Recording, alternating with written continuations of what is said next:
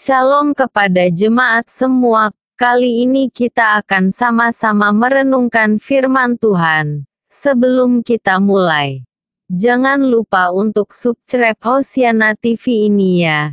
Jangan lupa di-share ya. Mari kita mulai dengan judul Memandang dan menanti pertolongan Tuhan. Mazmur 123. Banyak anak-anak, remaja, maupun dewasa sekarang ini yang mengalami perundungan atau bullying.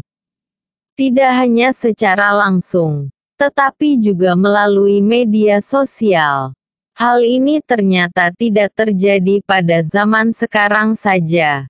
Pada masa lampau pun hal seperti ini sudah terjadi. Dalam bacaan ini, Pemazmur dengan jelas mengungkapkan bahwa ia pun mengalami hal demikian, yaitu penghinaan dan olok-olok. Ada dua tipe orang yang melakukannya. Pertama, orang-orang yang merasa aman pada dirinya sendiri, yakni mereka yang merasa berkecukupan secara ekonomi dan sosial. Mereka menjadi tidak tahu diri dan meremehkan orang lain. Kedua, orang-orang yang sombong.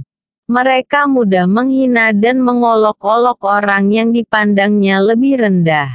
Akibat dari perundungan yang terus-menerus akan membuat seseorang mengalami penderitaan batin.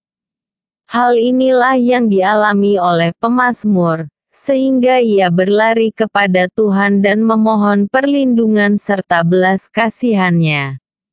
Pemazmur memohon layaknya seorang hamba laki-laki dan perempuan yang memandang kepada tangan tuan dan nyonyanya. Ketika kita dihina dan mengalami perundungan, biasanya kita menjadi tertekan, stres, bahkan ada yang sampai bunuh diri. Hal ini dikarenakan kebanyakan dari kita hanya berfokus pada situasi dan kondisi yang ada, bukan memandang kepada Tuhan. Oleh sebab itu, jika saat ini ada di antara kita yang sedang berada dalam situasi yang demikian, baiklah kita mengambil sikap seperti pemazmur. Pertama, kita harus memandang kepada Tuhan dengan berseru dan berdoa. Sebab ketika kita memandang kepada Tuhan, kita tidak akan takut lagi dalam menghadapi siapa pun.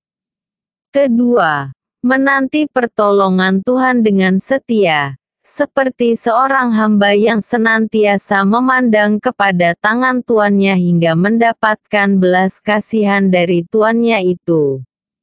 Bila kita setia memandang kepadanya, Tuhan yang penuh kasih akan memberikan pertolongan kepada kita.